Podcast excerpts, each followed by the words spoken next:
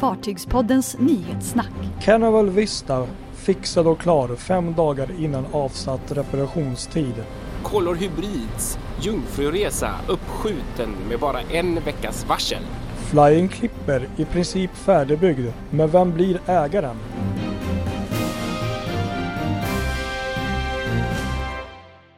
Ja du Kristoffer, då är vi äntligen tillbaka en ny vecka här och eh, som alltid så har det varit mycket som har hänt. Och eh, ja, hur har din vecka varit?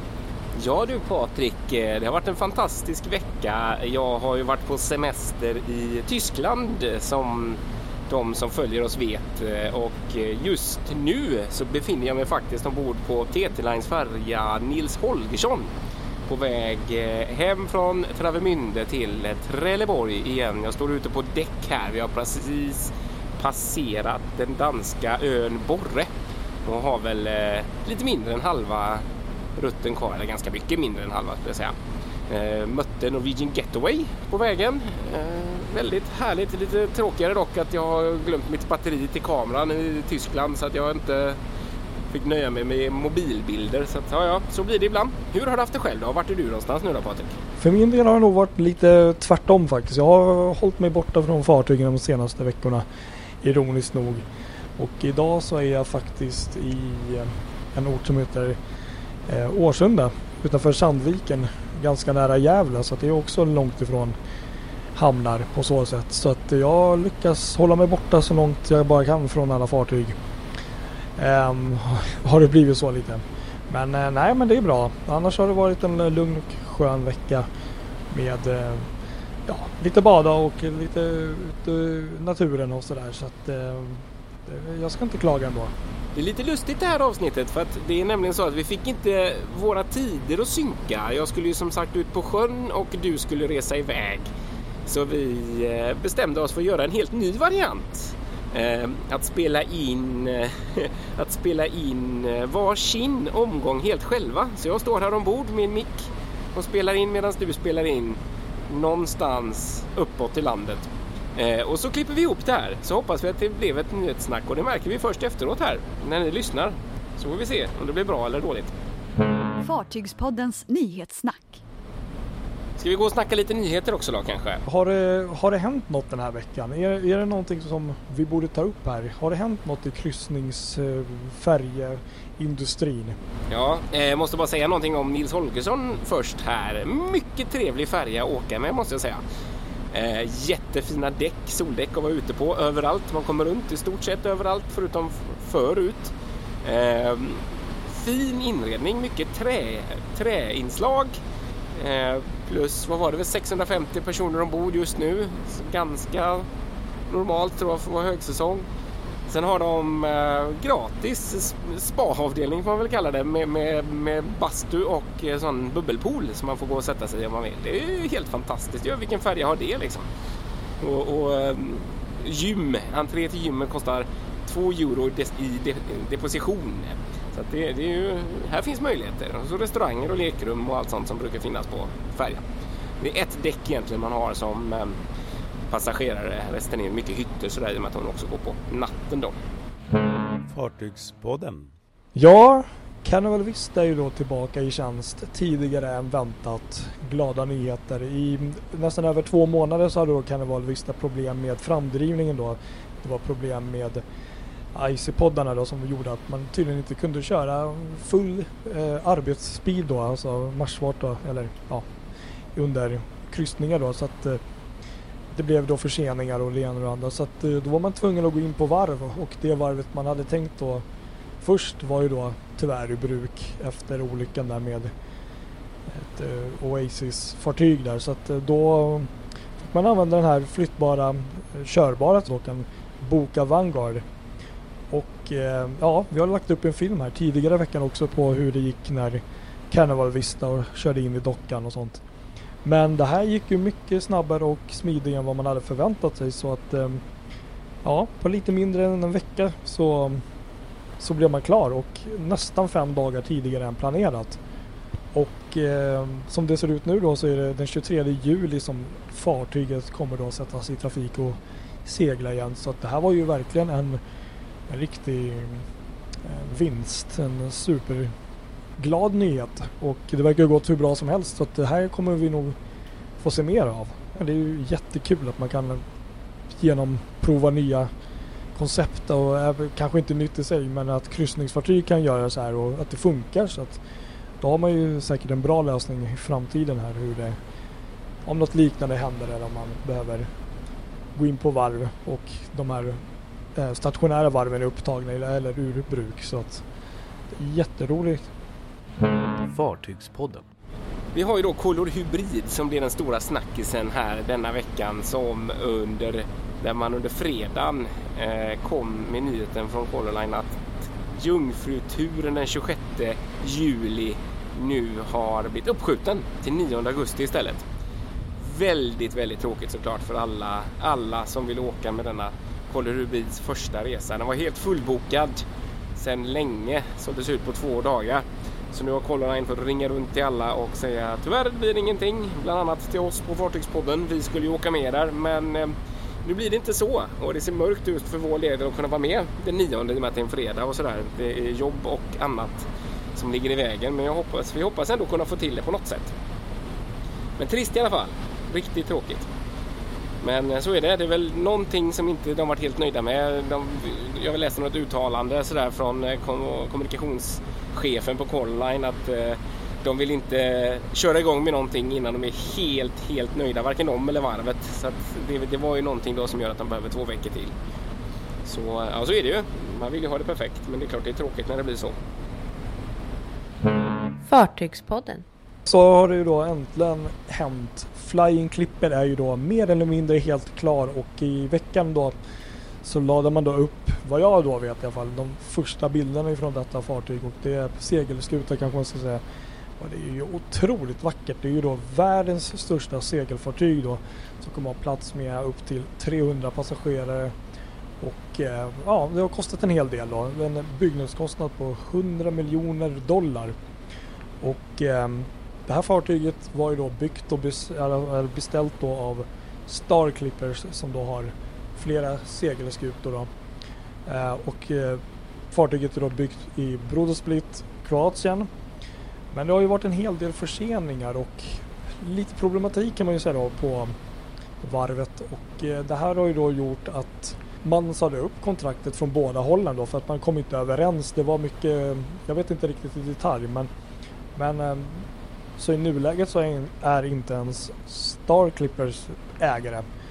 Men vad jag förstår när man läste lite, det var någon text jag läste i veckan, så finns det tydliga möjligheter att rederiet kan få tillbaka eller få skeppet i slutändan. Men det beror ju lite på hur man löser de olika konflikterna där. Men eh, otroligt vackert fartyg och man, man har sagt då bland annat från varvet att det var betydligt mer komplicerat att bygga det här fartyget. Man har ju liksom aldrig byggt ett sådant fartyg förut på det här varvet och det var ju säkert hinder som kom upp som man inte var beredda på som hade gjort att processerna tog längre tid och så vidare och så vidare.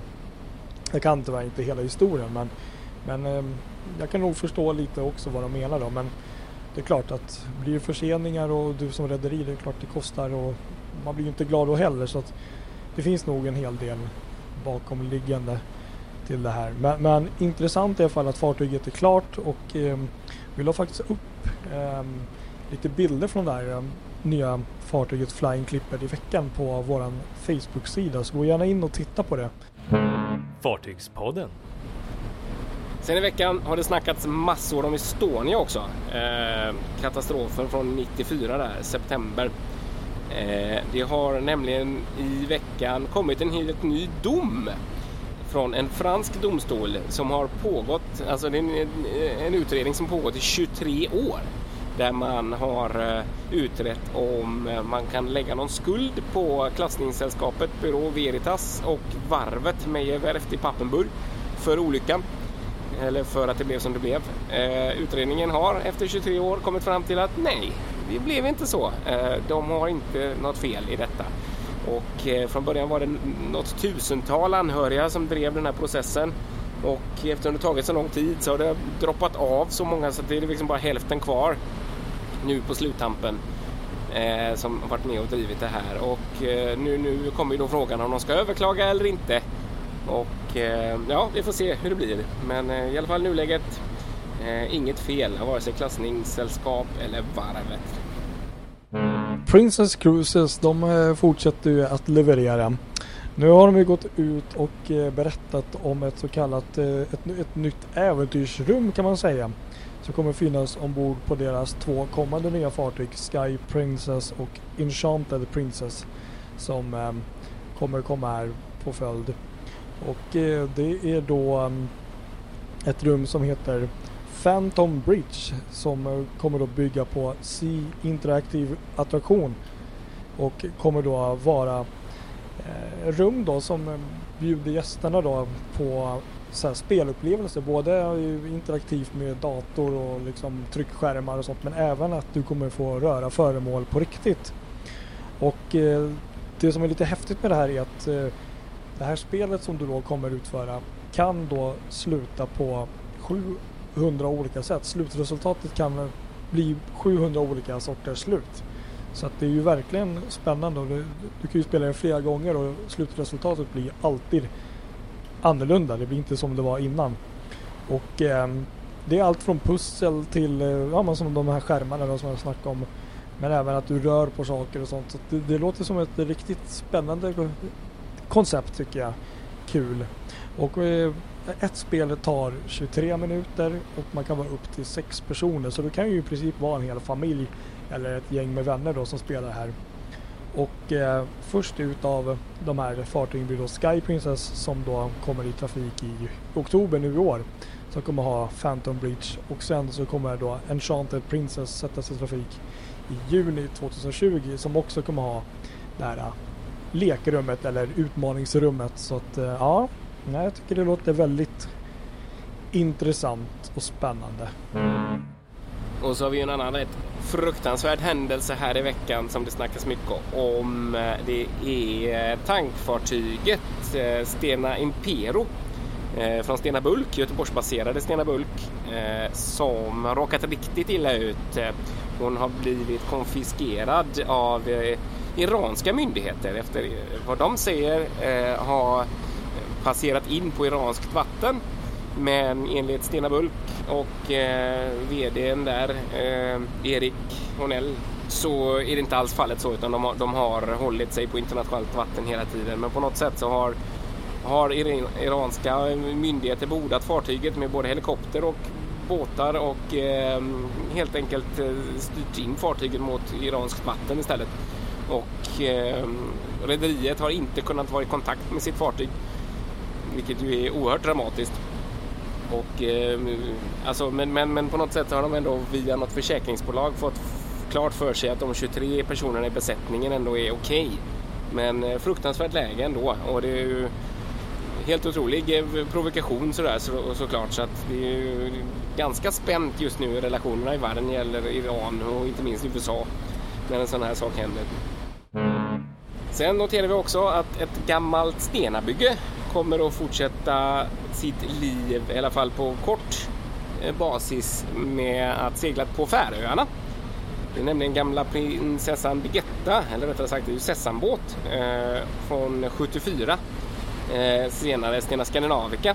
Hon har fått ett vikarieuppdrag, numera prins heter den ska jag säga också, fått ett vikarieuppdrag att gå i, i trafik till, till eh, Färöarna för Smyril Lines när deras eh, ordinarie fartyg är på dock. Just nu befinner sig fartyget på en eh, trafik nere i Grekland och kommer alltså få byta de varma vattnen mot eh, lite annorlunda sjö.